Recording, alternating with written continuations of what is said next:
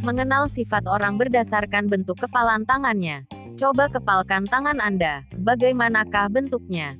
Secara umum, seseorang mengepalkan tangannya untuk melakukan pukulan atau tinju. Nah, rupanya cara berbeda dalam membentuk kepalan tangan dapat menjadi ciri pembeda dari sifat dan karakter seseorang. Sama seperti bentuk wajah, bentuk kuku, dan bibir, semuanya dapat mendeskripsikan karakter umum seseorang. Pada podcast ini, Anda dapat mendengarkan uraian mengenai kepribadian seseorang berdasarkan bentuk kepalan tangannya. 1. The Open Heart Fist, atau kepalan tangan bentuk jantung.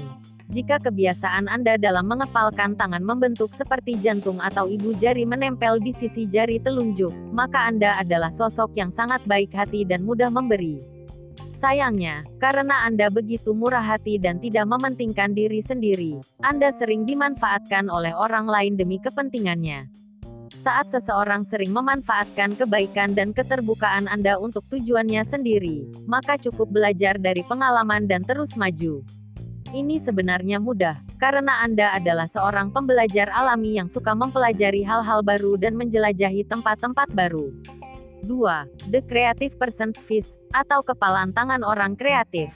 Jika kebiasaan Anda dalam mengepalkan tangan melibatkan ibu jari yang menutupi sejumlah jari Anda, terutama menempel pada punggung jari tengah, maka Anda adalah orang yang sangat kreatif. Meskipun Anda memiliki harga diri yang tinggi, Anda juga memiliki rasa takut akan kegagalan. Orang-orang banyak menyukai dan tertarik kepada Anda. Jadi jika Anda mengambil risiko, terutama jika orang lain peduli, itu akan bermanfaat bagi Anda. Teman-teman Anda mencintai Anda karena kejujuran dan kecerdasan Anda.